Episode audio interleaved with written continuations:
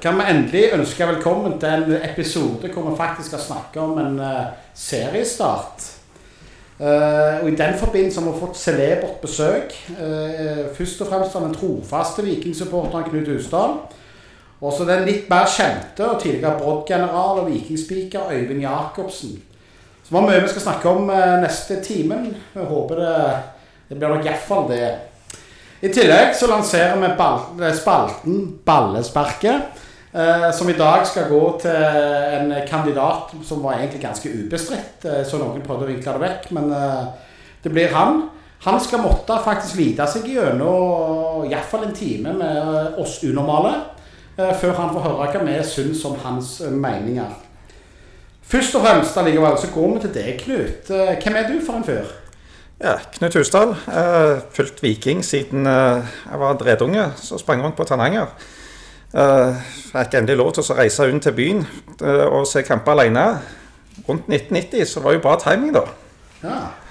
Så eh, har vært på stadion fast i ja, Nå blir det pikete 30 år. Jeg har vært aktiv i Hordene tidligere. Nå de siste årene så har det vært eh, fotballen. Meg og kompiser vi går for å se fotball. Så vi betaler de dyreste billettene for å oppleve fotballen som fotball. Så tar vi festen etterpå. Hvordan er det da å gå fra å være en uh, engasjert uh, sånn i fall på stadion til å bare sitte der? Eller klarer du det, eller er du, er du aktiv når det Nei, Vi klarer, klarer, ikke å sitte rolig. Vi blir bedt om å sette oss ned i hver eneste kamp. og bli dratt i jakken og kjefta litt på sånn som det skal være. Men jeg skal ha med meg offsiden. Jeg skal se det løpet. Jeg skal ha det med meg. Ja. Så med deg, Øyvind. Du er jo ganske godt kjent både her i byen og andre plasser. og Forholdsvis frittalende, og velkommen til deg. Tusen takk for det. Kjekt å få være med. Veldig gøy. Hvordan er, hvordan er livet? Nei, uh, vi går jo og venter da på ja, ja. å komme i gang med, med fotballen. Jeg har jo engasjert meg litt politisk. Eh, det er jo kjekt, men det, det er jo noe som mangler. Både når Viking eh, ikke spiller kamper, og at Brodd ikke spiller kamper. Ja. Og så har vi jo deg, Danilo. Jeg har jo faktisk sett de siste to ukene du har uh, drevet og jobbet. Uh, det har jeg aldri sett deg gjøre før. når jeg sitter to ganger. Du har båret safestanding. Heldigvis var det 20 andre som gjorde jobben. Uh, og så har du skrudd en pappkasse. Men hva, hva du holder på med? Nei, dugnad for Viken, det var jo gøy. Uh, safe standing opp med 700 ståplasser. Det kommer til å bli rått den dagen vi får oppleve det. Og når du tok meg på fersken med den boden, det var jo for å få litt bonuspoeng hos eh, kona Rune. Ja. Det, det, er ikke dagligdags. Nei, den ser jeg. Det vet jeg alt om. Men, eh, men eh, hvordan ble safe-standinga? Er alt på plass der borte nå? Nei, nå skal jo Viking eh, skru det opp. Eh, dugnaden sparte jo Viking for rundt sånn 25 000 kroner. Så det er jo kjekt å hjelpe med det.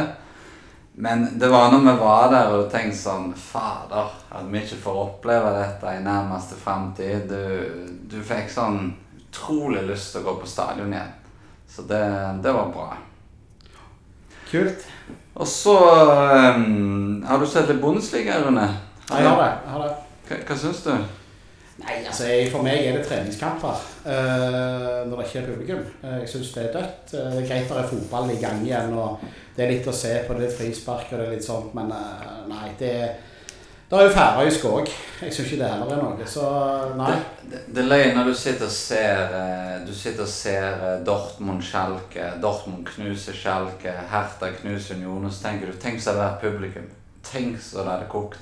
Så det, det minner jo egentlig om når du er på ferie i juli i Spania måned og setter deg ned på en pub og ser en sånn vilkårlige preseason-kamp Bare at det er dårligere, for der er det iallfall publikum. Ja. Så, Men kjekt med tippekupong. Ja da, det er greit å være i gang igjen. Jeg, eh, men jeg for min del jeg eh, er jo litt der at uh, nå har gjerne òg både forbunder og alt mulig mulighet til å savne oss publikummere en del. Jeg skjønner at det er sånn, sånn at det skal vi selvfølgelig aldri krangle og diskutere på. men men at eh, nå går det jo diskusjoner. Nå skal Norge starte. Skal vi ha publikum inn? Altså vi kan få inn gjerne 20-30 mann. Eh, skal vi legge på publikumslyd på, på, uh, på TV-sendinger osv.? Nei. Jeg er litt der at nå kan vi godt først ha tatt valget om ikke har publikum der inne. Og altså kjører vi uten. Og så For jeg, jeg ser ikke hvordan en skal på en måte selektere ut uh, publikummene som skal få lov å komme. Vi hører jo det at uh, forbundet og Eurosport og disse de ønsker de, de sier jo til og med ja nesten til blussing på tribunen nå på de 20 som får komme inn. Mens de om tre måneder skal gi oss 25 000 i bot for, noe, for tilsvarende. Så nei, jeg tenker at nå er det alle lenge og så, og så er vi Og så begynner vi sånn som det måtte bli. Og så får vi komme inn i september, tenker jeg. Jeg tenker Dette er vår personlige mening, men dette med falsk publikumslyd så antageligvis bare Sandefjord-støtte, altså det er jo et hån mot alle som står på norske stadioner og synger og ofrer stemmen til vanlig. Altså, De skal savne supporterne, og det kommer til å bli utrolig kult når vi kommer tilbake. Og Nå hørte jeg eh, faktisk i går at Eurosport sa det at uh, spikeren skulle få en rolle i dette. At de mente ikke det skulle legges på lyd fra Liverpool på en, eh, en vikingkamp, men uh, med at spikeren skulle få en rolle i dette. Hva det, Øyvind? Skal du holde koken i 90 minutter? Ja, Spørsmålet er om jeg møter opp i det hele tatt. Altså, Bjørnø i Viking spurte meg her for noen dager siden og sa at eh, de krever at det skal være spiker. Men det, jeg kjenner det er ganske sånn eh, toskaskap å, å, å, gå der og liksom prøve å si å, det var 1-0 til Viking, eh, og så er det ingen der liksom utenom spillerne. men det er vel en grunn til at de skal ha det. Altså, Bjarne Berntsen har jo hevet meg bort og bort på en treningskamp mot Jerv med fire tilskuere fordi at han mente at spillerne skulle, eh, skulle liksom kjenne den vanlige ramma, eller mye av det vanlige. Men ja, jeg, jeg, har ennå ikke sagt ja til at jeg vil være speaker. Jeg tviler vel faktisk på at jeg ja. Han, Martin Trosnavåg, en uh, trofast Buknakar vikingsupporter, han lurer på liksom, om det der med engasjementet til speaker. altså når du skal rope ut uh, som du gjør, og vi skal telle til fem og vi skal alt mulig men men, eh, men, hvis du skulle gjort det fra en tomme stadion altså Det må jo være en uh... ja, altså Jeg er jo først og fremst fotballsupporter.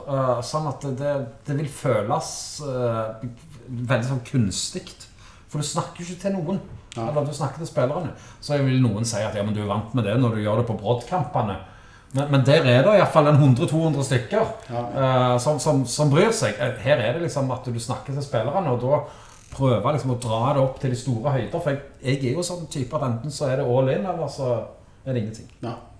Så er du da, Knut, som uh, observant uh, langsidesupporter nå liker å se detaljene i spill osv. Hvordan tenker du om det? Hva hadde du tenkt om, om uh, meg og Danilo fikk lov å gå på kamp, men uh, du ikke fikk? Ja, det hadde vel røket ei blodåre eller to. Godt noen sikringer. Eh, det må jo være alle eller ingen. Og skal du eh, begrense noen, så får du begrense de som allerede har betalt. De som har sesongkort, må få lov til å komme nå. Eh, det er ikke flere som har kjøpt sesongkort enn det er på kvadrat på en vanlig dag.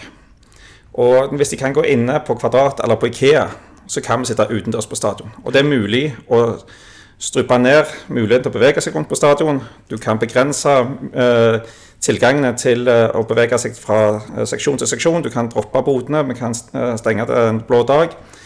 Det går an å styre hvem som skal ut, sånn som vi gjorde i gode gamle dager. Når bortefansen måtte stå igjen et kvarter etter kamp. Så det er mulig å få til med mange tusen inne på stadion uten at vi bryter smittereglene. I går så kom det jo en mail fra alltid optimistiske Erik Henningsen til alle sesongkontrollere, der han da Håpet at Viking kunne ønske folket tilbake ganske snart, så, så får vi se. Men eh, Øyvind, det er veldig kjekt å ha deg her, for det er en ting vi har gledet oss til å spørre deg om. Ok. Eh, Nå ble jeg litt redd. Nei, altså i, eh, hvis, Du er jo en aktiv kar på Twitter. Ja. Og i årene mellom 2014 helt fram til slutten av 2017 så har du egentlig vært ganske aktiv i å kritisere supportermiljøet. Eh, du var faktisk overraska over at de tweetene lå der fortsatt. Du har Den mest populære, da, det var jo 1. mai 2016, når du skriver 'Lokaloppgjør i Rogaland'. Vikinghorden versus Makeberget. Og så er det sånn 40 versus 700. Og du har på en måte med jevne mellomrom siste, siste du hadde, det var i november 2017. Der du da påstår at eh, det er umulig å være uenig i at Viking har Norges lameste og tammeste publikum. Fortell. Ja, da tenkte jeg ikke på Kjelsås og Grorud, men, men bortsett fra de klubbene der, så står jeg for det ennå. Altså, jeg, eh, jeg syns det var eh, fryktelig. Og så syns jeg det er litt sånn Når jeg hører det i sånn etterkant, så er det jo patetisk, for det var jo folk som prøvde der. Men, men totalsummen av det som man fikk til, var ikke en klubb som Viking, ikke en by som Stavanger eh, verdig, og mange ganger så var det rett og slett eh, flaut. Og eh, det var mange som kunne ha stått sammen med dem, som ikke ville stå med dem. Jeg syns det var for mye fulle rør. Eh, Det var for lite folk der som faktisk var opptatt av sporten. Og eh, altså jeg, eh, Ja, jeg kjenner jo veldig mange av, de som, som var der da òg. Og ære være for at de prøvde. Men det var pinlige greier, og det står jeg med den dag i dag. Da er det jo desto kjekkere å se på de siste åra hvor eh, fantastisk det har blitt igjen. For Viking har jo hatt bra supportere tidligere. Men det var gjennom noen år der hvor det var veldig flaut. Eh, all, ingen forkleinelse for folk fra Varhaug og Vigrestad osv.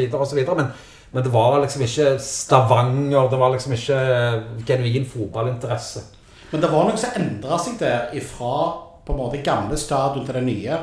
For det ble jo veldig kommersielt og hipt og alt dette å gå på det nye stadionet. Det var alltid fullt. Hordene var oppe i 3000 medlemmer en periode, og det var liksom voldsomme greier. Til å da stå eh, 20-30 mann på feltet, som du skriver, mot Haugesund. og- det er jo den perioden det må ha skjedd noe med dette. Altså, altså hva, hva tror du årsaken til det kan ha vært? Ja, jeg tror ikke nødvendigvis det er Hordene sin feil. Jeg vil jo først og fremst si at det er Viking sin feil. Altså, De flytta inn på, en, på nye stadion, og det de eneste de var eh, opptatt av, det var vippen. Eh, Det var fine dresser, det var eh, kundene deres. Eh, De, de, for meg, som da var vel journalist, men òg selvfølgelig supporter Altså, de, de tok publikum for gitt. De la ikke opp til å spille på lag med supporterne.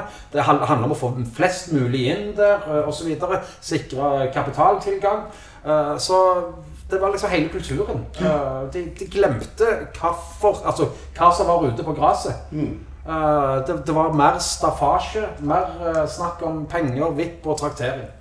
Altså, Endringen til Øyvind Jacobsen da, det merka vi jo veldig godt eh, opprykkskampen mot Kongsvinger. Der feltet kom inn en halvtime før, begynte å holde god kok. Og så ti minutter før avspark så tar du mikrofonen, og da takker de fantastiske stående supporterne. Det er jo en ganske stor endring i forhold til det du hadde meldt tidligere. Ja, men det, det gjorde jeg flere ganger i 2019, eh, nei 2018-sesongen. eh, For det, det var jo veldig, veldig bra. eh, Og ble bedre og, og bedre. Og jeg syns jo at Og det er ikke noe jeg har gjort. Jeg, jeg syns det endra seg veldig med Henningsen. Med andre folk som, som liksom uh, forsto verdien av det. Som slo sammen uh, Altså fikk Lagde uh, mulighet for supportergrupperingene å slå seg sammen. Altså, det er det viktigste man har i en eh, fotballklubb. De som eh, Og for vippen. Altså, eh, det er ingen som gidder å ha med seg eh, kunder eh, hvis det ikke er stemning. Altså, de skal jo òg levere en opplevelse til de kundene og gjestene de tar med seg. Eh, Så det er klart at Når vippene så at det ikke var noe spesiell stemning, så ble det ikke like interessant å være med de, og så forsvant de, og så bla, bla, bla. Så liksom, De genuine supporterne må være nummer én uansett. Og så får alt andre komme som en bonus. Men du Knut, du har jo vært med i mange år, du òg. Hvordan opplevde du akkurat dette greiene her? Dette skillet? Si Det som Øyvind sa tidligere, det som skjedde rundt eh, 2010 Det er helt riktig Vi har jo fantastisk var stappfulle stadion. Han fulgte seg sjøl.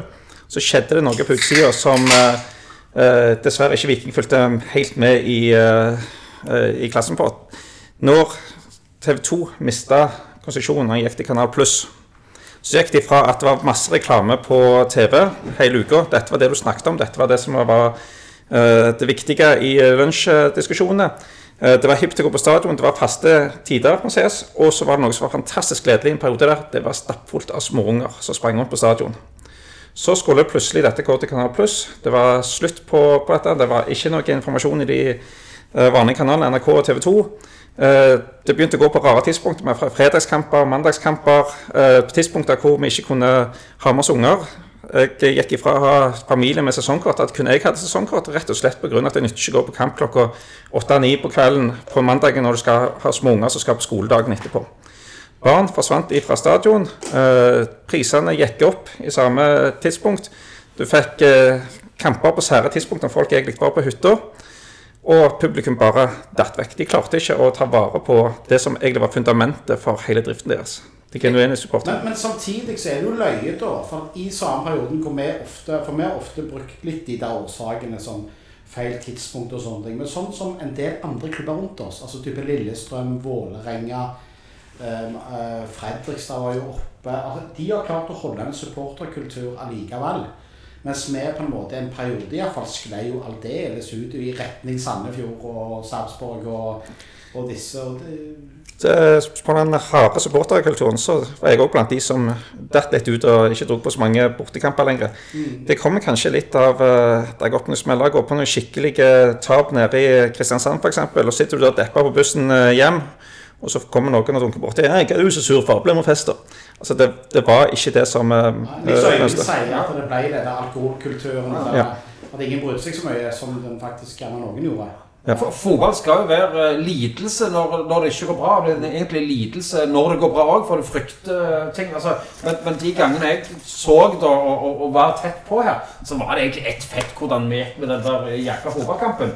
Og du har ikke lyst til å stå sammen med, med den gjengen. Uh, og, det tror jeg gjaldt eh, ganske mange. Men, men jeg vil tilbake litt til at eh, jeg syns Viking som organisasjon òg har feil. Altså, jeg jeg har jo sagt at du nesten mangler en generasjon på eh, stadion nå i dag òg. Altså folk mellom 15 og 30 år. Altså De som for 15 år siden hadde fra, altså, altså, foreldre sånn, tok det ikke med på, på kamp. Du var inne på det, Knut. Men eh, for, for meg så var det liksom sånn hele greia. De gadd ikke reise ut til små lokale klubber. De ville ikke altså, bli forbilder. De tok alt for gitt. Folk var, eh, var rett og slett kunder av Viking, og ikke supportere. og det det, det, sånn sett sliter de med ennå. Altså, de mellom 50, eh, nei, unnskyld, 15 og og 30 år, de er det veldig få av på, på SR-Bank Arena. Jeg, jeg har vært trener i, i mange mange år i Brodd, og det er fullt av sånn 17-18-åringer i, i, på Storhaug som ikke aner hvem som spiller Viking. Nå begynner de etter hvert å, å ta seg opp, da. Men, men eh, det, det var helt fortvilende. Vi hørte jo det var en veldig viktig del for Hennings når han var her i podkast for noen ganger siden. at dette med nærheten til publikum og supportere, dette å ha en forståelse for at supporterne, det, det var viktig for han. Så ja, det tror jeg poeng der. Men eh, i spikerjobben din, Øyvind, du har jo vært alt annet enn A4. Eh, du har jo til og med blitt kalt for eh, spikerbølla og fått litt kjeft i forbindelse med 16. mai-kampen mot Sandnes. Hvordan, hva tilbakemeldinger har du fått? For vi, vi har jo elska det, at eh, det har vært litt upedagogisk. eh, Eller Ja, jeg òg elsker å få litt kjeft. Altså, jeg liker oppmerksomhet, og det betyr jo at du, du gjør noe som folk legger merke til. Eh, Jeg eh, skal ikke liksom hausse meg sjøl opp. Jeg er jo en altså, jeg har jo bare stjålet fra litt tysk eh, arena, og så tror jeg at jeg har en sånn genuin interesse for fotball. Jeg kan navnene på, på spillerne. Jeg vet hvor, liksom, hvordan supportere føler det. Jeg kunne liksom aldri altså Viking lå unna masse mål mot Vålerenga, og, og det ble liksom Spikeren hans lo av at det gikk så dårlig med, med Viking. Eh, eh, da kjente jeg for jeg så på voksne menn der som ble rett og slett forbanna. Altså, eh, du, du må liksom kjenne på eh, de genuine fotballfansen, hvordan de har det. Eh, og så bommer jeg jo masse og sånn, men eh, jeg Ja. Men, men hva, hva instrukser får du? Altså Har NFF en sånn eh, en spikerbibel du Ja, skal følge? Da? Hva, hva er det som står i den? Ja, Der står det at du skal gi saklige, eh, nøkterne eh, opplysninger om hendelser i og rundt kamp og skåringsinformasjon. Så kan du òg gi uh, i forbindelse med uh, nød eh, Altså hvor man skal gå hvis det skjer ting osv. Men det skal være objektivt, saklig og, og nøytralt. Men det- gjør vi blaffen i. Men dette med musikk etter scoring og rett etter kampslutt, det er ikke en instruks? Nei. og jeg, altså det vært veldig bevisst for meg at ikke, jeg ville ikke starte den sangen før det har gått fem-seks sekunder. Sånn at vi får den genuine fotball, altså ju- jubelbrølet først. Og så tenker jeg at da har folk fått ropt av seg, og så leverer vi litt musikk for ungene spesielt, som, som syns at den skåringsmusikken er gøy. For det handler jo òg om å lære opp nye supportere, skape en god opplevelse eh, for de, og det er derfor også vi tar den Jeg tror ikke det er så veldig mye voksne eh, menn på 40 år som syns det er kjekt å rope 'Viking 2' Eh, men ungene syns jo det er helt fantastisk. Iallfall mange av de. Eh, uh, og, og da er det en sånn li, lite krydder uh, til de òg. For, for dette har jo du vært litt opptatt av, dette med musikken. fordi det er jo et mysterium i fotball-Europa. Og store stadioner med 70 000-80 000 Sekundet etter at de har skåret, når desibelnivået tar helt av, så kommer den hekkens musikken og ødelegger alt. Ganske frustrerende for uh, supporterne. Bare gå inn og sjekk. Det er kanskje én eller to ganger det har blitt trykt litt for tidlig. Men, men jeg prøver å vente i fem-seks sekunder. Prøvde òg å vente til etter. Uh, liksom, nesten til avspark igjen, men det, det lykkes jeg ikke med. For da skjedde det nye ting, og så fikk man liksom ikke kjørt gjennom den Viking 2, Molde 0, eller hva det måtte være. Men jeg prøver òg å spille på lag med supporterne etter kampen. Uh, smeller gjerne på en liten uh, sånn vikingsang rett etter. Når spillerne er på vei liksom, er klare for å bli hylla av, av hordene, så, så toner jeg ned. Men så må vi jo igjen da gi litt til de andre som ikke står der og, og, og synger. Eller supporterne. Felt O. Beklager. Men nå nærmer oss faktisk seriestart. Og med siste kampen de fleste av oss så Viking spille, det var mot Honka. Eh, kommer på nytt dekk på en smell. Eh, og, men, eh, og det er klart det er vanskelig å orientere seg hvor vi, hvor vi står hen. Vi har, en, vi har jo for så vidt et spennende lag. Vi har, uh, har mista noen viktige spillere. Vi har fått inn noen nye. Og jeg tenker, Knut, hvor står vi hen? i uh, nå. Altså når vi skal starte 16. juni. Det er spesielt kampopplegg. Vi kommer til å spille Altså Vi skal spille over 40 kamper med, med Europacup uh, før nyttår. Det er egentlig å opp og et altså, hvordan, uh, Nå gjelder det å, komme seg i form, i hvert fall. For uh, det jeg lenge håpte var langt fremtredende tinnitus. Det viser seg bare var alarmklokkene under disse treningskampene. Alarmklokka er det fjerne. Det var ikke så veldig lovende. Det var ikke så veldig uh, bra. Eh, vi hadde egentlig en veldig solid eh, backrekke, og så plutselig begynte vi å lekke. Nå har vi fått litt mer tid, og jeg tror dette var veldig godt egentlig for, for Viking å få litt pusterom for å trene. For det, det, så ikke så bra ut. Men dette laget vi har, det er veldig, veldig spennende. Det er noe det spennende vi har hatt noensinne. Vi gikk jo ifra absolutt ingenting når vi rykte ned 2017 så jeg at nå går vi mot uh, Lyn eller FFK-mareritt. Eh, så kom ungguttene opp. De lokale kom opp. De fikk tid til å spille seg inn. Det var bare så vidt vi rykte opp. Men det var lokale gutter som deretter tok nivået. Og de er nå i ferd med å bli etablert eliteseriespillere. Har mista noe viktige. Det kommer nye opp, men de kommer opp i et miljø som er mye mer satt. Jeg tror det er mye bedre muligheter nå fra de nye som kommer fram, til å faktisk kunne etablere seg på laget og styrke oss i løpet av sesongen. Og vi trenger de virkelig denne sesongen. Men, men tenker du at vi har tid til det? Altså, nå skal vi, nå skal vi starte, vi skal spille sannsynligvis to kamper i uka. Du må få rullering på troppen. Altså, vil, vil troppen nå være sterke nok til å takle det kjøret? Altså, Ungguttene får den tida de trenger på å bli bra? eller hvordan... Uh... De blir tvunget til det. Små uh, unger som eller, Unger er helt feil å si. Unge voksne. Ikke så feil heller, faktisk. uh, de, når de først får sjansen, så tar de tempoet så veldig raskt. De tar det mye raskere når de er i slutten av tenårene og får tillit, enn hva de gjør oppe i 20-årene. Så det å la de få lov til å få sjansen, la de få lov til å utvikle seg Ja, vi kommer til å tape poeng. Ja, de kommer til å ha ballme som medfører uh, mål imot. Men de får tillit, de får lov til å spille. I år så vil de få mye tid. Jeg tror det er et veldig bra år for unge gutter å komme inn på laget. Ja. Men altså fotballsportere over hele Norge, det er jo så lenge siden sist treningskamp at vi må jo oppdateres på hvordan gikk det på treningskampene. Jo, Viking vant to, spilte uavgjort to, tapte tre. Sånn som du sier, Knut, så ikke bra ut. Og litt i forhold til inn og ut. Sju-åtte eh, spillere inn, sju-åtte spillere ut. Men de mest sentrale da eh, utenom De Sosa. Det, tenker du på meg? Ja. det er jo samme inn med Delanley, Berisha, kanskje Joe Bell, som ikke er Kanskje ikke i startelveren ennå, men ut Tripic, Torstvedt, Fridtjonsson. Av de tre som eh, bidro mest. Og du ser jo med en gang at det er jo ulike spillere ut og andre spillere inn.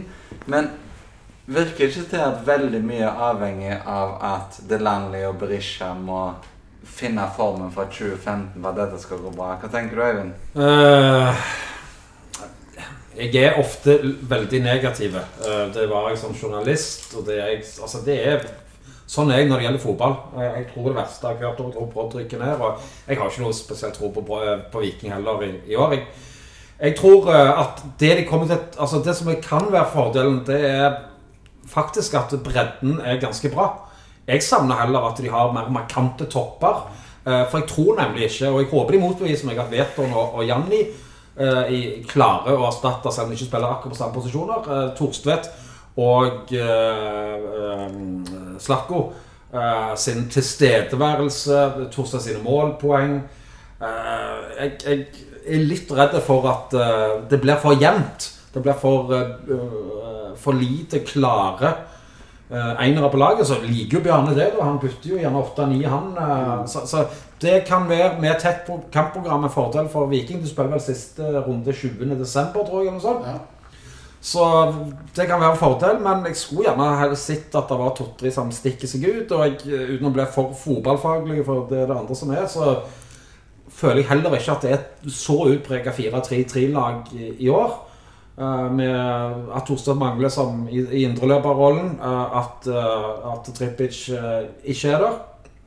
Så kanskje det blir 4-2-3-1 uh, i år. ja, og, ja, eh, og det, det tror jeg òg. Men, men akkurat det, det du sier der med at vi mangler for at, for at Sånn som Veton, da, som kommer inn Han er jo altså, han er, han er et arbeidsjern, ingen tvil om det.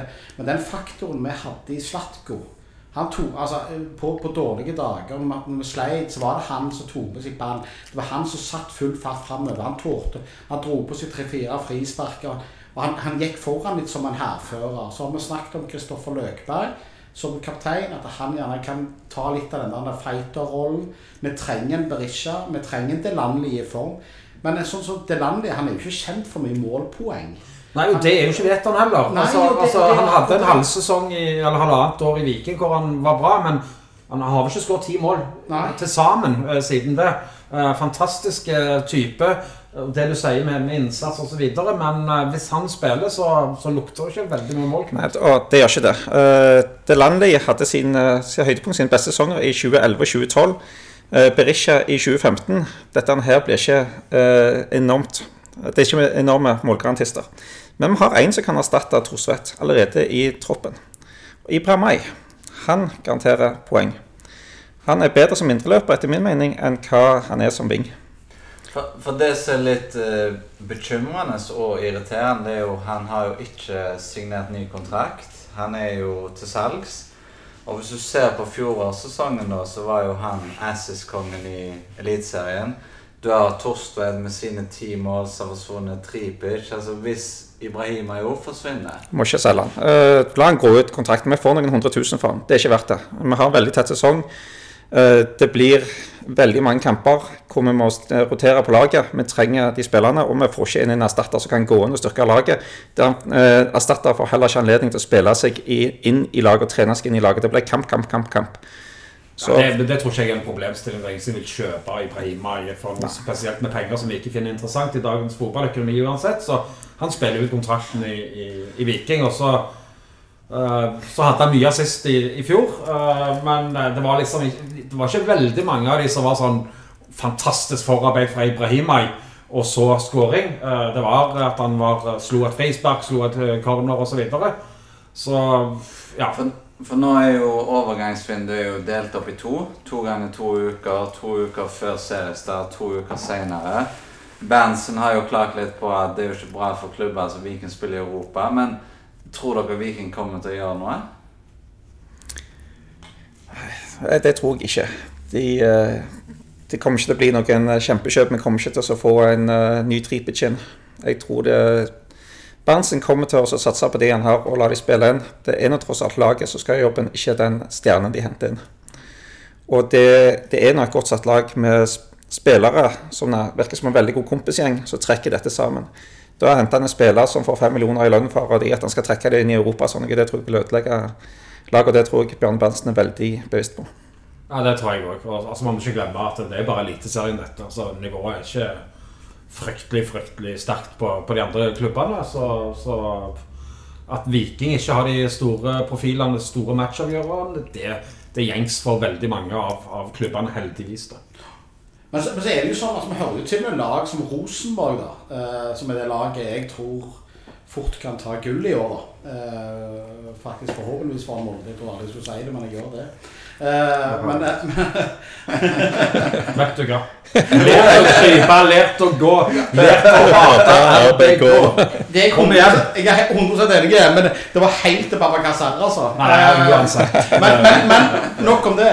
De snakker så mye om hvor avhengige de er av Pål André Helland når de skader. sant? Altså, så det er klart at det er små marginer her i forhold til disse spillerne som er viktige i forhold til målpoeng, og som, som det er vanskelig gjerne å oppdrive i Norge da, som, som gode uh, målgivere. Men, men når vi ser bakover, da, for vi, vi vil jo med så, såpass tett kampprogram ha en del dobbeltdekning vi er avhengig av å ha. Vi får gule kort, vi får skader, vi får slitasje, vi får mye.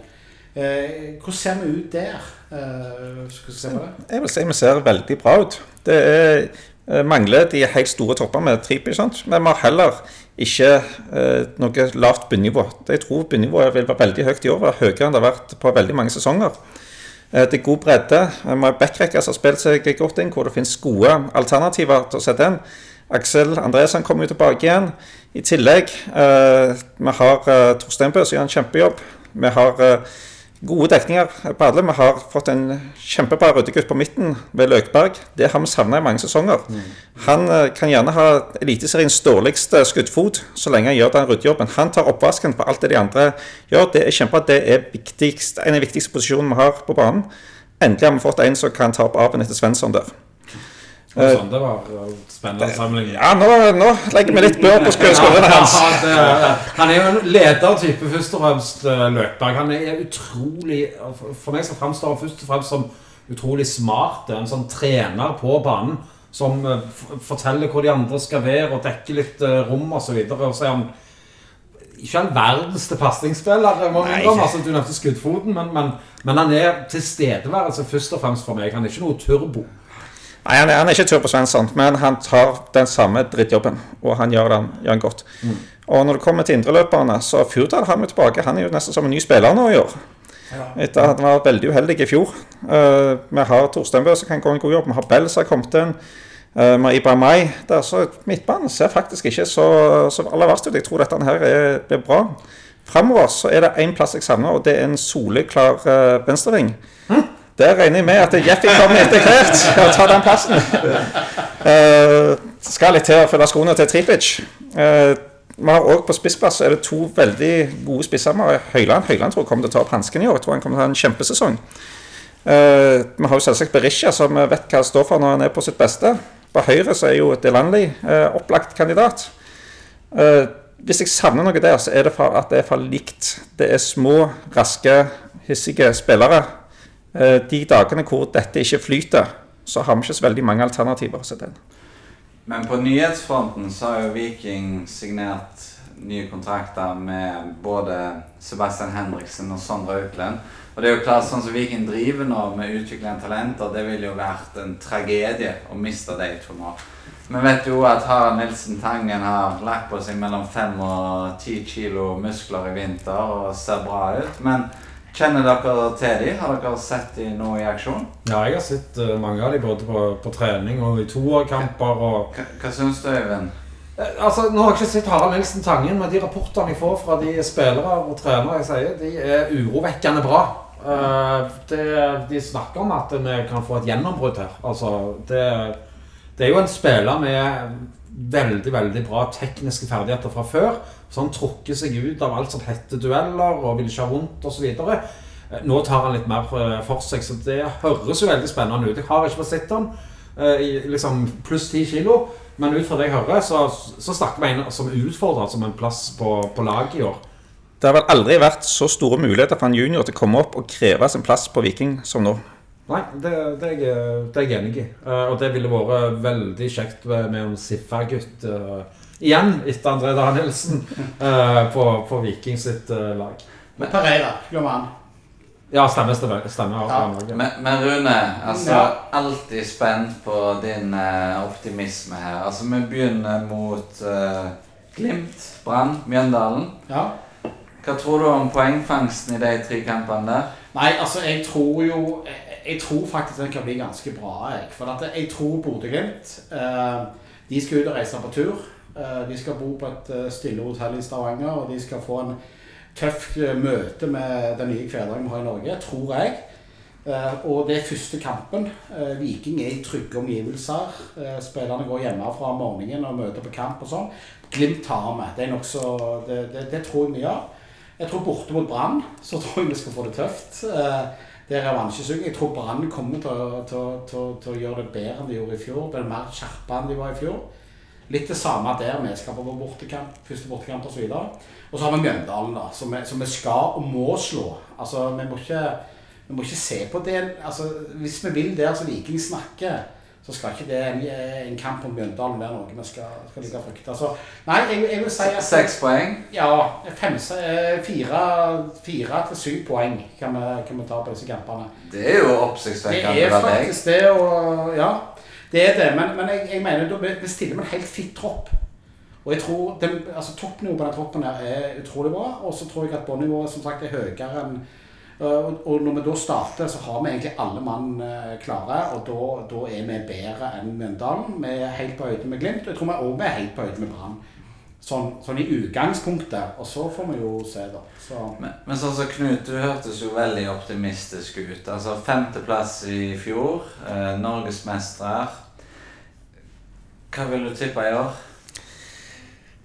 Jeg er dessverre redd det ikke blir en eh, fullt så bra i år. Eh, det blir litt tøffere. Uh, liker jo å være optimistisk. Det er god mulighet, men det- Tripic, hærføreren, forsvant. Det betyr mange poeng.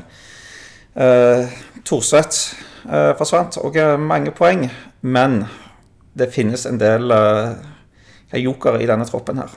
Og det finnes plass til å ta opp, eh, til å komme inn og virkelig kreve sin plass. Så jeg jeg eh, tror det blir øvre halvdel, men jeg tror ikke det blir eh, poeng. Jeg var, nei, unnskyld, jeg tror ikke det blir, blir medalje. Jeg var sikker på om vi skulle få medalje når det var snakk om at Delaney og Berisha kom, og så plutselig forsvant Tripic. Og da forsvant litt av håpet. Da forsvant entusiasmen. Ja. Eh, Men eh, øvre halvdel. Øvre halvdel. Hva tror du, Øyvind? Jeg tror de, eh, som jeg sa eh, på Twitter før returen i 2019, de kan bli alt fra mellom 5 og 14. Altså, det, det, det, det er helt umulig å si, men jeg tipper de havner to-tre plasser lavere enn i fjor. Men hvor mange poeng gir uh, Jeffy oss? Eh, Jeg tror det blir en del eh, etter hvert. Jeg har jo hørt at dere har snakket litt om denne Jefferson de Sosa. Og jeg kjenner jo Jeffy og er jo veldig glad i gutten, men dere Altså, det kommer til å, å, å Du kommer til å snu der. Men det, Ja, men vet du, vet du, i dag det skal jeg si, Jeg kom jo rett fra ei SIF-trening med disse jentene. Jeg driver trener i dag. og så, Jeg skal ikke si hvem det var, men der var det en eh, kar i vikingmiljøet eh, rundt A-laget som var der oppe i dag. og Så sier jeg du har noe siste nytt nå før vi skal, før vi skal treffe denne Jacobsen eh, i forhold til, til Sosa, Sebulons og sånn. Og da sa han det at eh, det Sosa ser faktisk meget bra ut. Eh, og han er, han er jo veldig bra én en mot én. Han er jævla flink til å utfordre. Og han, han, har, han har jo noe over seg. Eh, det er ingen tvil om det. Jeg har jo tro altså, det er klart jeg har lyst til at Jefferson og Sosa skal lykkes, og, sånt. eh, men eh, men det var altså denne oppbygginga med at han, han var inne på prøvespill, det ble ingenting, går til Nessotra. Det lille jeg så av han Nessotra, ble ikke jeg kjempeimponert. men han spilte altså indreløper i et Nessotra som slo langt fra, fra wingbacker opp mot spisser og skal jobbe med andre baller. Det er ikke Jeffy-fotball. Eh, Og Jeffy er per dags dato gjerne ikke god nok for eh, Viking i Eliteserien. Men når Bjarne Berntsen får én måned til, to måneder til å jobbe med ham For det Jefferson mangler, det er at han har sjøltillit. Det- Når du ser på Jeffy når han trener, og så, videre, så ser det ut som han har han verdens til sjøltillit. Men han må bli mer direkte i stilen. Han må gå og lage frispark, som eh, Slatko gjør. Én mot én. Så jeg, vil se noen i Norge, faktisk, som er spesielt bedre enn Jeffy én mot én.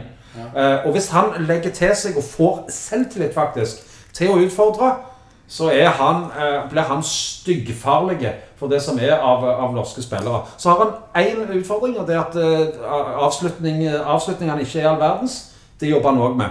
Men jeg er helt sikker når Bjarne får jobbet med Jeffy, så kommer dok, altså alle med til å høre mye om Jeffy, og hele Fotball-Norge. Ja, Jeffy, Så spørs det om han rekker EM-troppen i 2021.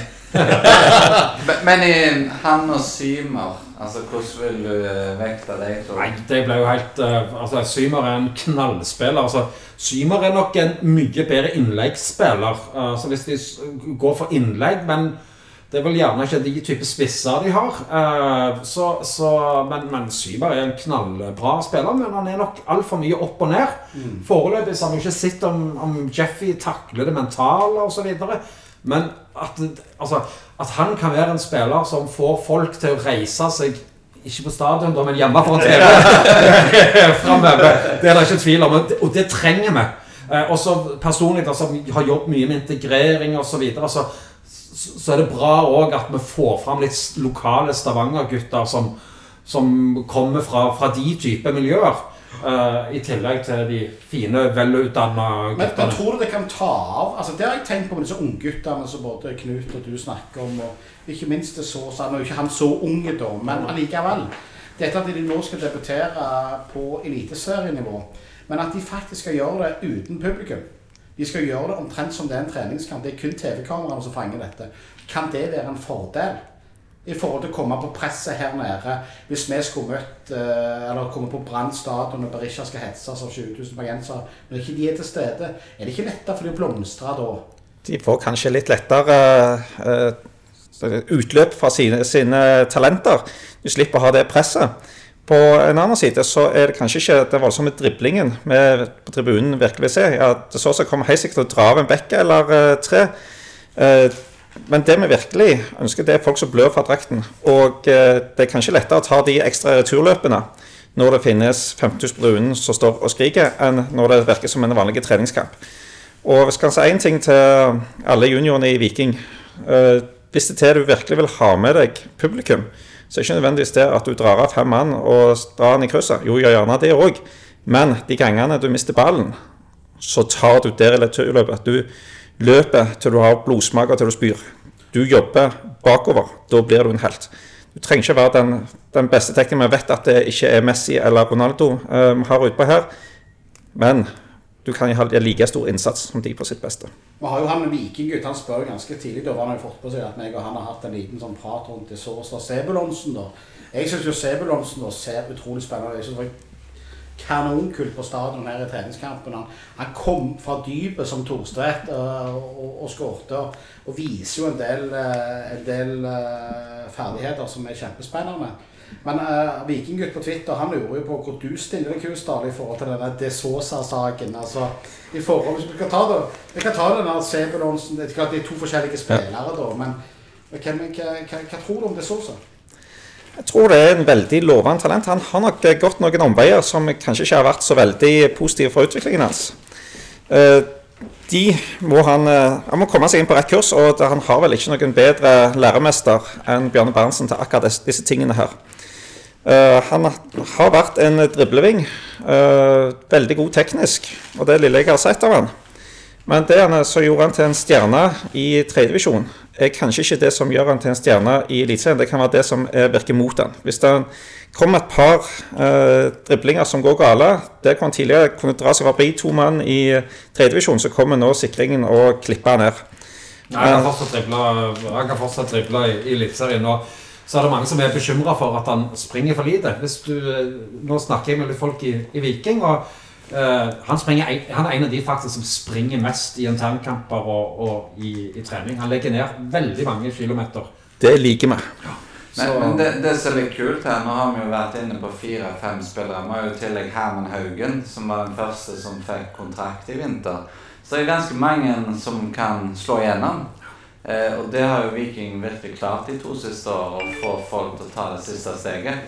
Ja. Og, og, bare la meg si at jeg også syns Sebulonsen er utrolig spennende. Jeg har sett han eh, sikkert mer enn de fleste av dere, for jeg har fulgt han på, på Sola. Uh, han har spilt spiss, han har spilt indreløper, han har spilt uh, anker, så vidt jeg husker òg. han har jo en fys spennende fysikk. Og det også tror jeg handler bare om å få litt tillit, lykkes litt, så, så kan det gå til himmels med han, altså. Og han er jo fire-fem år yngre òg, så Alle disse kommer til å få sine sjanser i år. Men Rune, Ja.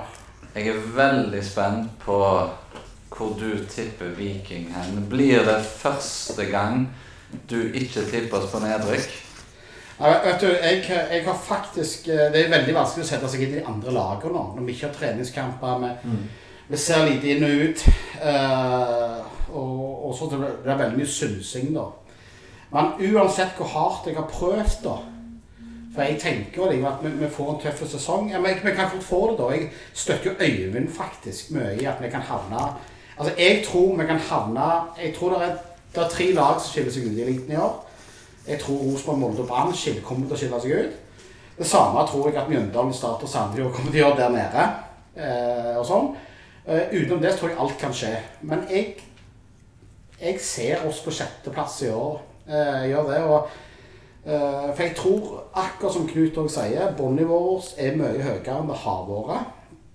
Jeg tror det der at vi har Bjarne har jo vært jævla flink på dette å rullere på laget. dette plus- Gi unggutter sjansen. altså det har vært på en del treninger i år. Jeg ser sånn spiller som Sondre Auklend. Og jeg tenker sånn, i jeg hører jo de folk sier i vikingmiljøet sånn som det, nei, men han er for unge til å få sjansen og alt det der. Altså, jeg tror, jeg tror plutselig disse guttene her en, en og to de kommer til å ta Eliteserien liten storm. altså. Jeg tror vi kan ha de spillerne i år. Bodø-Glimt i fjor, hva trodde folk om de i fjor? Og drar opp folk du aldri har hørt om og sånn. Eh, vi kan være der òg.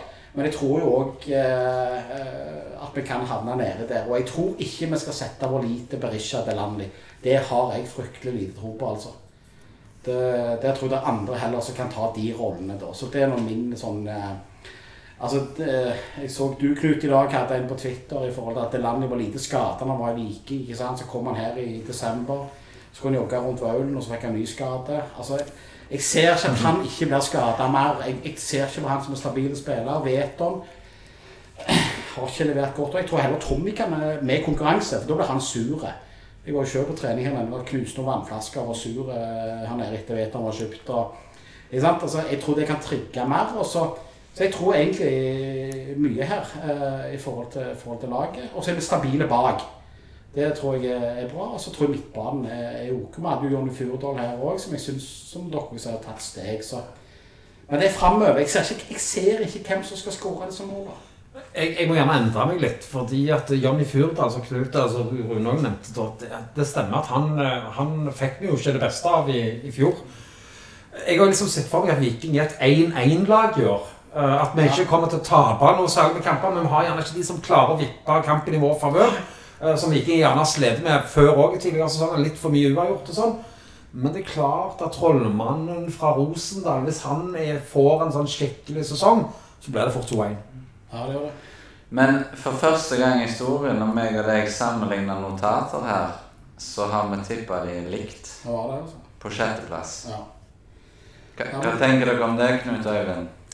Jeg tror vi skal være fornøyd med sjetteplass. Da har vi hatt en god sesong. Vi har mista toppspillere, og vi har hatt en fryktelig vanskelig oppkjøring. Det har for så vidt alle andre lag òg, men vi klarer oss greit. Ja, vi skal være fornøyde med en sjetteplass. eh, Det skal vi. Eh, Jeg tror Bodø, Glimt, Rosenborg, Molde er ganske mye bedre. Eh, Og så rører det seg så hva som helst skjer bak det. Og så har vi hørt den siste uka det har vært veldig vanskelig å få ut både av Henningsen og Vikingspillerne sånn, hva som er ambisjonen. Eh, Bjarne sa jo nå endelig at ambisjonen er øvre halvdel, og på gode sesonger kjempe om medalje eller kull-kull. Er det defensivt? Er det realistisk? Det er realistisk, det. Får vi virkelig flyt, sånn som vi gjorde i fjor. Starta med ni poeng i fjor.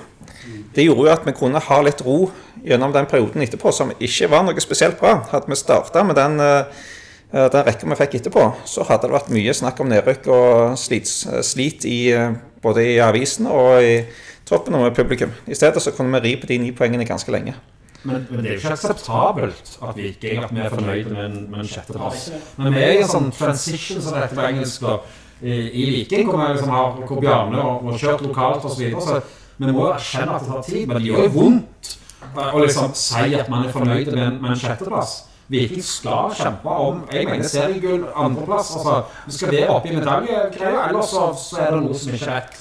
Men, men det følte jo òg Henningsen da han var hos oss. altså Vi hadde en veldig oppriktig Henningsen til stede her. og han var, sa jo mye av det samme da. At det, det er klart vi, skal ikke være fornøyde med å drive og rote midt på tabellen. Vi skal være oppe der. Men i likhet med f.eks. Vålerenga, så er vi jo dessverre ofte der da, at vi ligger og vaker der i ingenmannsland. da. I fjor var vi fornøyde med det.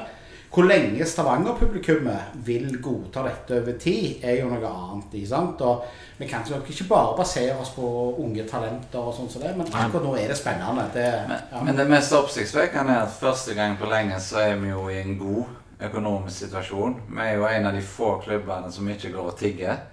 Eh, Så det er jo en fordel Viking faktisk har nå. Selv om, akkurat sånn som du sa, Knut, vi kommer nok ikke til å hente inn en ny tripish de neste ukene. Nei, men, men så, så skal vi altså Jeg tenker jo sånn altså Vi skal òg ut i Europa. altså Nå skal Uefa komme med sin beslutning 17.6 om hvordan vi skal avvikle årets Europacup og Europaliga og Champions League. Og så skal vi ut i dette her. Og vi skal sannsynligvis da ut i europakvalik og sånn. Når vi kommer til Europa, da altså eh, Er vi rusta nok for det, eller er ambisjonen at vi bare skal ut i Europa, så får vi de kronene der? eller for, for dette laget i Europa, det er klart, der ser det jo ikke sprekt ut. I Norge, som Øyvind sier, så skal vi gjerne kunne klare oss, men i Europa så er jo ikke dette her Dette er ikke et lag som tar Europa med storm. Ennå. Men du har unge gutter som får tillit og får anledning til å prøve seg på nivået. Eh, Det er såpass mye ungt og lovende her at jeg tror at eh, klarer vi å beholde disse her, så skal vi kunne bite skikkelig fra oss om noen år. Ja, men jeg tror dessverre fotballen har eh, løpt fra norske eh, klubber uten store finansielle muskler. Altså Får vi gode spillere, så spiller de Genk og, og, og den slags. Så, så, men du, klart, du kan ha et år hvor du får sånn skikkelig roll. da. Eh, Du, du, du kan Sarpsborg. Ja, ja. De endte vel opp med å vinne én kamp i gruppespill eller to. Ja, ja. Men, men, men, men de fikk en, en liten flyt og entusiasme. Men men jeg, jeg, ser ikke for meg liksom, at du skal få Monaco og CSKA i gruppespill osv. Det, det, i Europa League. Men du, i fotball så er vi dumme nok Vi er glad i fotball, vi er dumme nok til å håpe. Men det er klart, denne koronasituasjonen nå kan endre dynamikken litt på dette her. For det er klart at Nå ser en at europeiske klubber begynner å slite. En ser at noen ligaer kommer i gang før andre.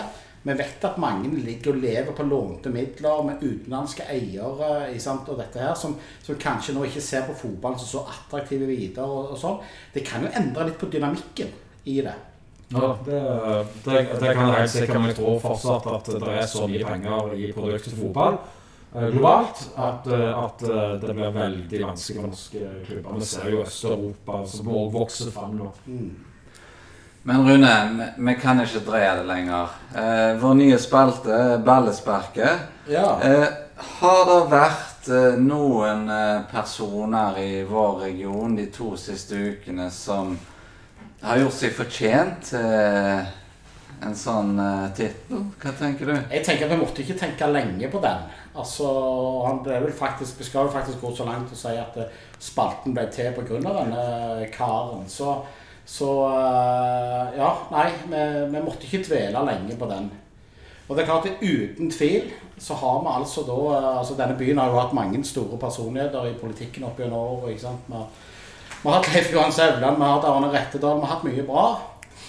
Og nå har vi Frode Myrhol, eh, som, eh, som eh, Men greia for de som ikke har fått med seg hva han gjorde, da, så gikk han jo ut på Twitter, og så, og så sa, kalte han jo da alle som gikk og så på Viking da, eh, på stadion, da, som unormale.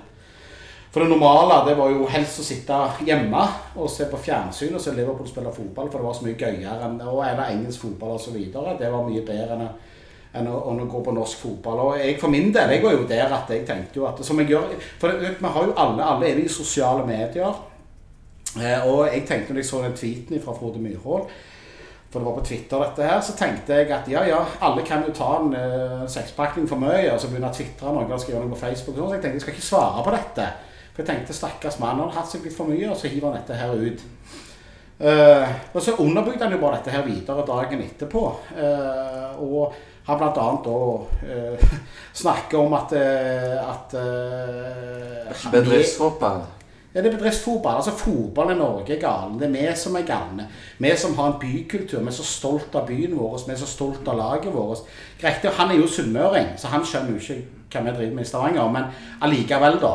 Altså, Du bør se såpass på, på et sånt type bilde. Også, tenker, tenker altså, Det vi reagerer på her, det er jo Det skal vi spørre Øyvind litt etterpå. men Uansett hvor du flytter til og går inn i politikken, så tenker jeg det innbyggerne vil ha, er jo lokal patriotisme. For det er noe i enhver kommune som alle er stolte av, som betyr mye. I Stavanger så vet vi at de tre første tingene østlendingene tenker på, det er olje, viking og rikdom. Og når du da ser at Viking både i 2018 2019 skaper gigantiske folkefester som til og med folk på jobben som ikke bryr seg, blir ekstatiske av, så er det jo litt oppsiktsvekkende at en kommunepolitiker sier noe sånn. Og så er det jo vi tenker jo, det er jo litt sånn Donald Trump-stil. At istedenfor å bare si Nei, vet du hva, det ble litt flåsete, så, så graver han bare sin egen grav. og har blokkert samtlige som holder med Viking på Twitter. Men det må han vel gjøre. Han velger sjøl hvem han vil følge på Twitter. og hvem skal følge han alt det greiene. Og det, For meg er det helt greit at Frode Myhrvold er glad i Leopold. Det må han vel være. Eh, for meg så, så, så, så syns jeg at folk må holde med de lagene de har lyst til å holde med. sånn det. Men slutt å snakke nedlatende om de folka som velger noe annet enn deg sjøl. Altså, jeg vet utmerket godt jeg, at vi har ikke noe mané eller hva de heter, jeg som slår 50 meters pasninger, og det er flott å sitte og se på fjernsyn. Vi har ikke det. For all del. Men ikke sitt og rekk ned på det. Og når du er en bystyrerepresentant i tillegg, i en by med stolte tradisjoner, med så utrolig mye, så sitter du faktisk ikke på den måten der. I tillegg så, så blant annet han, han, han spurte til og med meg om jeg hadde borrelås på skoene, om jeg klarte å knytte sjøl. altså, nei, men, men, eh, dette her er ikke greit. Og, og jeg syns faktisk at eh, når han da i tillegg bare fortsetter med dette, så, så, så jeg har lite sans både for framgangsmåten til Frode Myhrvold. Og, og, eh, det han sier om klubben og byen. Han faktisk er representant. Vi klarer jo ikke å huske lignende eksempler på politikere som Vi har jo en i USA. Han er akkurat ja, det. Ja. Jo, uh, Men uh, nå, nå, heter det jo uh, kommunestyret, gjør det ikke, Eivind? Altså, hvis du tenker Alfa, Leif Johan Sevland, Kristine Sagen Helge, som ikke var herfra, men utrolig stolt av alt Stavanger sto for. Viking Hun skulle slås fram med Sandnes, så det er ikke helt ja. Nei, men det er oppsiktsvekkende. Men eh, Knut, hva, hva, tenker du? Jeg må si at når du er lokalpolitiker og herifra, så må vi ikke glemme at han er lokalpolitiker for én sak av bompengen. Og de har bompenger i byer som London òg. Det er jo ganske patetisk å sitte som bompengepolitiker i Stavanger, da er det ikke det. Da burde du heller vært med og fulgt med på bompenger, jobb på bompenger i London eller andre store byer. Litt fint. Men har de avslørt seg litt hvor eh, enkle disse ensakspartiene er? Vi har vel dessverre litt for mange av disse her. Så men vi får de politikerne vi fortjener, så får håpe at folk eh, tar et bedre valg neste gang. Og så du da, Øyvind. Vi var jo veldig usikre på om, eh, om vi kunne blande deg inn. Men du sa jo at du er frittalende. Du sier det du mener. Hva, hva tenker du? Frode Myhold, kan jeg si, er en av de dyktigste politikerne denne byen har sett på veldig veldig mange år. Han er langt ifra noe ensakspolitiker. Det er få, om noen, som leser sakspapirer grundigere enn Frode Myrhol. Som reiser ut, som ser forholdene, som møter folk. Som setter seg inn i sakene. Som brenner for lokalbefolkningen her. Som har en helt ekstreme uh, rettferdighetssans. Uh, som, som, som altså, eh, rettferdighetsstyrt i alle beslutninger han gjør. Eh, jeg har fått så utrolig mye respekt for politikeren Frode Myhrvold eh, de, de, fem åra jeg har fulgt han i, i, i politikken. Fire Kommer det et menn her? Men så er han Liverpool-supporter. Og nå skal jeg passe meg så ikke vinduene mine blir knust osv. Men vi må huske på at Liverpool-supportere har venta 30 år på å vinne gullet eh, hjemme nå. Klarte det korona gjerne å ødelegge denne. De, de får vel den uh, seieren sin på en tomt Gudensund Park. Ja, det var nydelig. uh, men, men, men altså, vi, vi, må ikke glemme det. Han, han har sittet på Sunnmøre og, og, og håpt i 30 år. Uh, og da, da, har de utvikla en sånn greie at til og med å, å liksom fortelle at Liverpool er mye bedre enn Viking er viktig. Til og med bedre enn Lura er, er viktig. Eh, så syns jeg jo faktisk han har noen gode poenger òg. Altså, det er jo ikke normaliteten i Stavanger. Jeg håper iallfall ikke at det i Stavanger-regionen bare er 5000 som er genuint opptatt av eh, fotball. Nei, men- men- men eh, og, og greia er at det er, vi har hatt fire-fem skikkelige folkefester. Cupfinale i tillegg. Men ellers så er det jo for lite folk som går på stadion. Jeg er jo helt enig i det, men samtidig altså, altså det å En ting er at du skal forherlige det du sjøl tror på. da, som han, I hans tilfelle så er det Liverpool. Han skriver jo sjøl i sin Twitter-bio at han bor i Stavanger, men Lever i lever i Stavanger og bor i Liverpool. Et eller annet sånt greier. Jeg tror, jeg, jeg, tror, jeg tror den bioen kom uh, når øh, ikke han var mest opptatt av altså, Han har brukt Twitter i utgangspunktet til å skrive om Liverpool. Og hvis du går og ser gamle tweets, så, så er det på engelsk. Jo, men, men hvorfor? Eh, Det er ikke jeg skjønner. Jeg disser jo Altså, jeg, jo, jeg disser Sandnes Ulf og alt det greiene. Men, men samtidig har vi til og med snakket her om at vi syns det er gøy Sandnes Ulf får ny stadion. Vi synes det er gøy det bygges nye anlegg. Vi sitter jo ikke og narr av jeg skjønner jo hvorfor folk faktisk holder med Ullensaker Skisa. Altså, du gjør jo det. har, jeg skjønner at folk har lokalfotballtilhørighet mer enn de har til Viking. og sånn. Men, men, det, men jeg sitter jo ikke disse de for at de er fotballsupportere. Og stolt av sin egen by, stolt av sin tilhørighet. og stolt av sånn. Det skjønner ikke jeg at en bystyrepolitiker kan gjøre. Nei, nå vet ikke jeg om det er Bergsøy, men Frode Myhrvold har sittet i, i styret i Bergsøy, tror jeg han heter, der, der han kommer fra. Han er jo genuint opptatt av fotball. Han har spilt i tredjedivisjon for Madla her, osv. Han, han er en forkjemper for gras, som sikkert vil glede deg. Ja, ja, det har jeg sett. Eh, eh, eh, og og han, han står liksom på sine ting. Han har irritert på seg utrolig mye folk. Han har sagt til folk på, på Kvitsøy at eh, hvis de vil ha båt mer enn én gang i, i timen, eller hver tredje time, så får de flytte til byen osv. Det er mye der som er veldig politisk ukorrekt, men som det faktisk er gode poenger eh, i. Men, men på fotball der følger jeg ikke Frode Myhrvold overhodet. Men på alt annet en av de aller aller beste politikerne vi har hatt. Og jeg håper at kommunestyret får flere som Frode Myhrvold. Men, men, men hva er det med altså Det kan vi godt ta en diskusjon på. For hva er det med altså Nå har vi sittet de siste dagene. Vi har sittet med Frode Myhrvold. Vi har sittet med hun der Therese United. Hun der dama som ligger og poserer med pupper med United-drakt. Og vi har sittet med litt flere. Og så er det- en gang folk har motstand mot dem, så går de mot dette måten med å blokkere folk, utelukke folk osv. Hva er det med denne diskusjonen? Altså, hva, hva skjer der? Det må jeg òg ta, fordi, fordi at eh, altså Frode Myhrvold han er en stayer. Altså, jeg er jo ganske ivrig på sosiale medier og svarer så videre. Men hvis du følger han på Facebook Han svarer alle, kommer med faktaopplysninger. De verste nettrollene tar han seriøst, svarer, viser til linker, sakspapirer osv. Eh, Jeg fulgte jo denne debatten, og jeg syns jo det var ganske usaklig det som kom tilbake til han òg. Han burde nok tålt litt mye, men det ble nok veldig mye for ham. Eh, og så gikk han til det steget ganske tidlig og sletta den opprinnelige tweeten. Så la han ut en forklaringstweet, og så kom det masse inn der. Og så klarer ikke han å bare se på de svarene. Han må begynne å svare igjen. Og så tror jeg han gjør en vurdering av at dette kommer ikke til å ta slutt. Jeg må blokkere. Det eneste fornuftige han faktisk sa, det var jo at han skulle ha flaggstang og Tommy Nærland sa noe fornuftig. Det støtter jeg. At men, men jeg tenker for å forstå reaksjonen, så er det jo for det første at eh, folket i Stavanger som er glad i Viking, har forventninger til en kommunestyrepolitiker. Altså de forventer lokal patriotisme. Og så er det jo for sånne som oss, som kjemper for at folk skal komme på stadion, så er det unødvendig å disse norsk fotball. Altså, Drit gjerne i norsk fotball, men du trenger ikke gå ut og disse det når du er et kjent navn. Altså, Det er jo der reaksjonene kommer fra oss. Jeg syns det er litt sånn forherligende, eller litt sånn bra òg, for det skaper debatt. Og det får deg og deg, og til og med meg Men- men jeg vil jo ikke debattere. mer, Og, vi, og vi, vi, vil, altså, vi ble jo da mer opptatt av at vi faktisk støtter laget vårt. Og vi får en sånn eh, erkjennelse av at eh, vi gjør det og vil feite litt for det. Eh, så, så Ja. Uh, jeg syns uh, dette er veldig sånn over eh, eh, fokusert fra, fra supportermiljøet. Uh, syns dere har gode argumenter og slår han lett i den debatten. Istedenfor liksom å lage sånn klovnestempel på han. Det var jo fullt av politikere er, fra bystyret som er sånn posører som reiser ut. og eh, Det var vel han Trond Birkedal i Frp. Hadde vel sesongkort i tre år. Han hata fotball. Eh, Jeg har sjøl vært med ordføreren som er nå. Hun er kjempeglad i, i Stavanger. og så, Men hun er ikke noen genuint fotballinteressert. Det var ikke Kristine Sagen Helgø heller.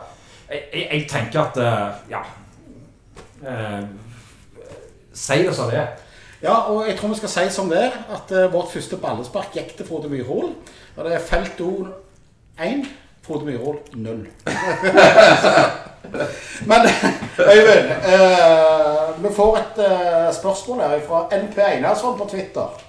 Ok. Ja, og han, eh, han snakker Han er ganske kryptisk, da. Men han sier det at du har tilsynelatende sittet og streama en kamp fra utlandet. eh, før du hadde kontroll på mobilabonnementet ditt, og før det ble eh, forholdsvis rimelig å gjøre akkurat det når du ikke var i, i, i landet ditt. Ja, det er ikke helt sant. Eh, Fortell om dette. Ja, det var, eh, det var dårlig. Jeg skulle bo på Hyatt på, i, i La Manga, på hotellet der. Og så var det et dårlig nett. Så, så da var det noe som var sånn het mobilt altså sånn som er, mobilt uh, trådløst nett eller et eller annet sånt. Uh, Og, og det kunne jeg bare bruke, da fikk jeg beskjed om. Og da tenkte ikke jeg på at eh, å se Det var ikke en fotballkamp, det var hele sendinga til TV2 Fotballekstra. Som de hadde, de hadde et eget studio der. Det, etter en tur på, på, på karaokepub så tenkte jeg at da ville jeg se den sendinga. Den varte jo gjerne 45 minutter, så den eh, streama jeg på, på telefonen. Når jeg kom tilbake igjen, så leverte jeg telefonen, og så venta jeg på, på lønna mi eh, 20 dager etterpå. eller et eller annet sånt. Og da fikk jeg beskjed at jeg måtte på kontoret. Og da hadde jeg altså brukt 28 000 i uh, telefonutgifter.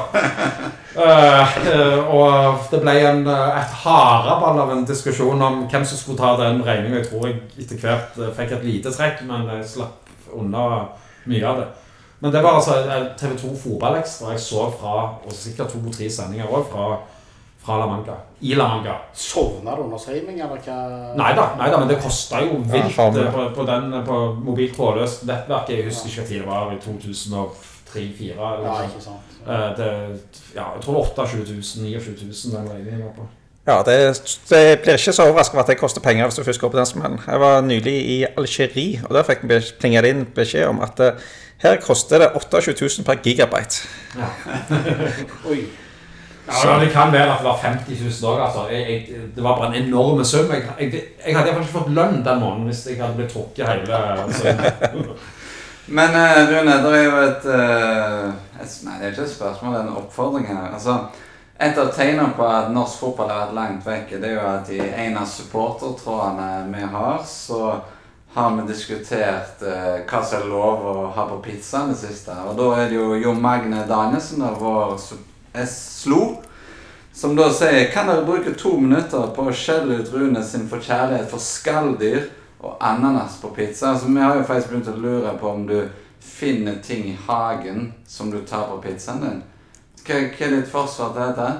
Nei, altså eh, Som du ser, så har ikke jeg noen hage. Eh, Det er én ting. En annen ting er at eh, jeg, altså litt som Øyvind sa tidligere, jeg kan ikke hjelpe for at folk har så lite kulinarisk sans i feltet og at en ikke skjønner at skal har skalldyr ananas på pizza. Eh, Jeg syns det er fortreffelig godt. Eh, Og eh, ja.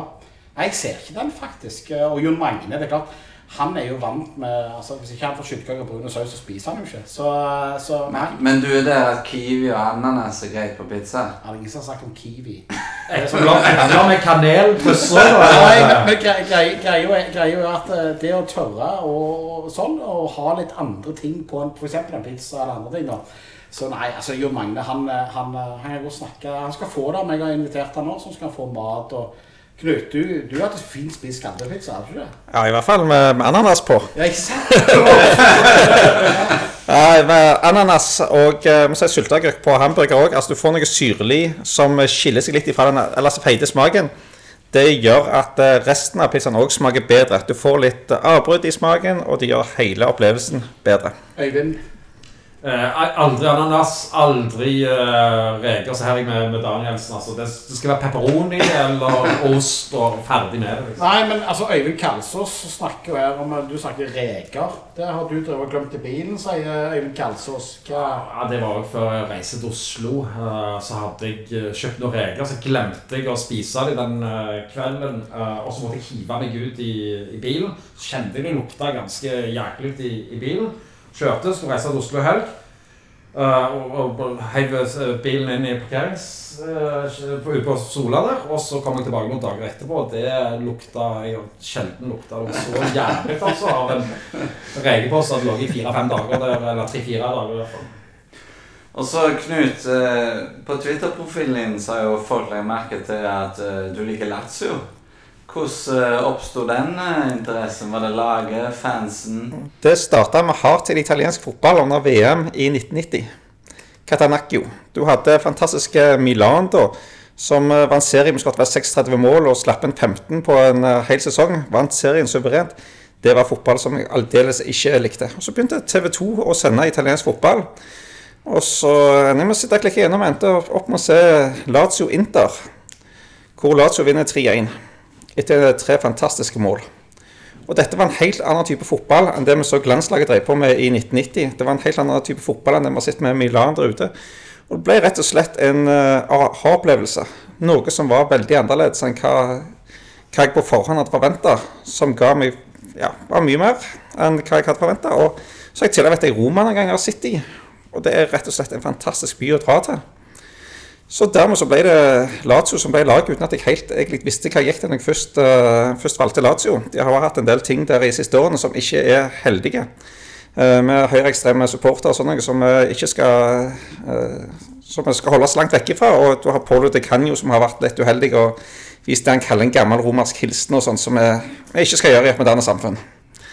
Eh, men samtidig så er Roma og italiensk fotball det er noe spesielt. Det er liv på tribunene. Selv om stadionene er noe av de verste du finner rundt omkring i verden, så er det fantastisk liv. Det er flott uh, uh, Ikke minst TIFO-virksomhet. Det er jo fremst i verden på, på TIFO der nede.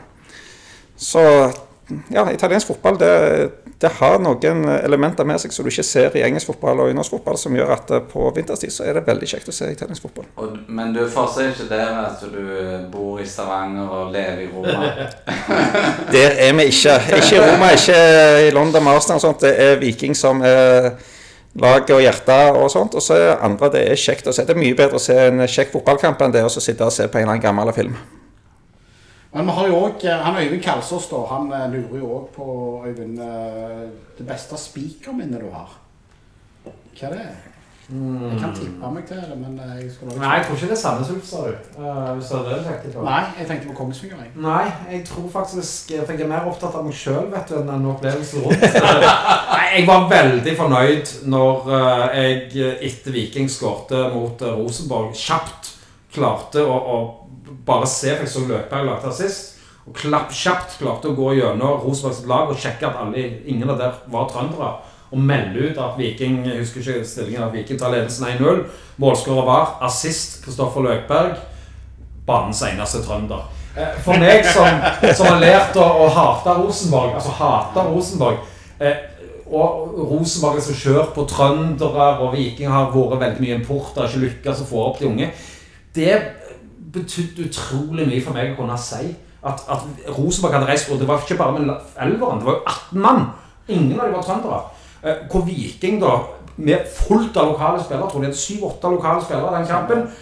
Og så er det én trønder av de 22 eller 25 aktørene som er, som er ute på banen. og Han spiller Viking og lager en assist mot Rosenborg. Å klare å dra det poenget så kjapt og få ganske mye latter fra, fra tribunen, det likte jeg best. Hvordan var cupfinalehelga deres? Det var nesten en større lettelse enn det var euforisk glede. Eh, var jo i cupfinalen i 2000 og i 2001. 2000 var en fryktelig nedtur. 2001 var euforisk glede. Så kommer vi nå her og klarer å spille oss til cupfinale igjen. Endelig. Det vi nå ser, at når vi kommer til å møte Haugesund, så er det ikke denne her voldsomme gleden. Det er bare For min del så var det mer eh, redsel for å tape. Jeg måtte gå den Canossa-gangen på Gardermoen. Det var bare en voldsom lettelse at vi klarte det. Jeg har aldri vært så e- edru en helg. Altså fotballhelg på grunn av cupfinalen som, jeg- som jeg var denne cupfinalen. Og, og det ene Altså i 2000 så jobbet jeg som journalist. Eh, Men, men det var Det var liksom Jeg òg var liksom redd. Eh, Jeg frykta nedturen. Uh, og liksom Det mirakelet at det kom der, og så frykta jeg nedturen. Og så Ja, jeg uh, landa Det ble bare bra. Ja, men jeg må innrømme at jeg var mer på tirsdag-onsdagen da jeg satte meg ned og så YouTube. og, og så, og da jeg virkelig liksom uh, Det var langsiktig glede. Ja, altså, da liksom. kjente jeg hele kroppen Fy fager, Viking er tilbake i eh, toppen av norsk fotball. Men, men, men til og med på torget sånn, så, så ble det litt sånn Jeg klarte ikke helt å ta av. Men jeg satt for meg sjøl hjemme, så kjente jeg liksom glede. Norge neste mest med at spillerne var forsinka. Ah, det var jo enormt å holde altså, Bjerga der. Altså, han, han, han kjørte jo alle vitsene han noensinne har tatt. Og noen til.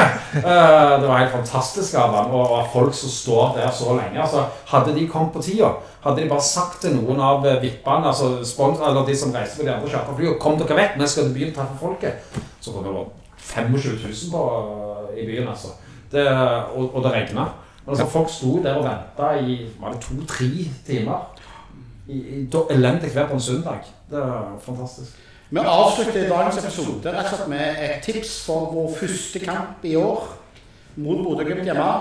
Øyvind Jacobsen, hva ble resultatet? Viking var veldig bra uh, mot uh, Glimt borti den andre omgangen der, når de la om uh, taktikken. Uh, så Glimt er litt forberedt på det. Jeg tror de taper 4. Nei, vi tar det i 4-1. Danilo. 2-0 til Viking. Jeg tipper 2-2. Vi sier takk for oss i dag fra Felt O podkast. Takk for at dere kom, Knut og Øyvind. Vi snakkes igjen. Da har vi spilt vår første kamp. Spennende Spiller neste år da òg. Takk for at dere kom. Så snakkes vi. Ha det godt.